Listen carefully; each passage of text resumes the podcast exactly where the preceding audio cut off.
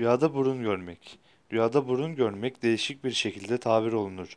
Genellikle çok mal, evlat, baba, kardeş, soy, asalet ve fazilet gibi özelliklere işaret olarak tabir olunur.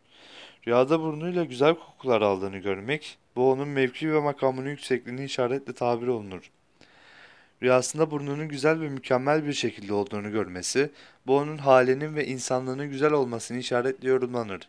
Burnundan bir şey çıktığını görmek, hayırlı bir evladı olacağına veya olduğunu işarettir. Burnunda sülük çıktığını görmek, bir kimseden fayda ve yarar görmeyi işaret ile tabir olunur. Rüyasında burnuna bir halka geçirildiğini görmek, bu onun ölümüne yani öleceğini işarettir.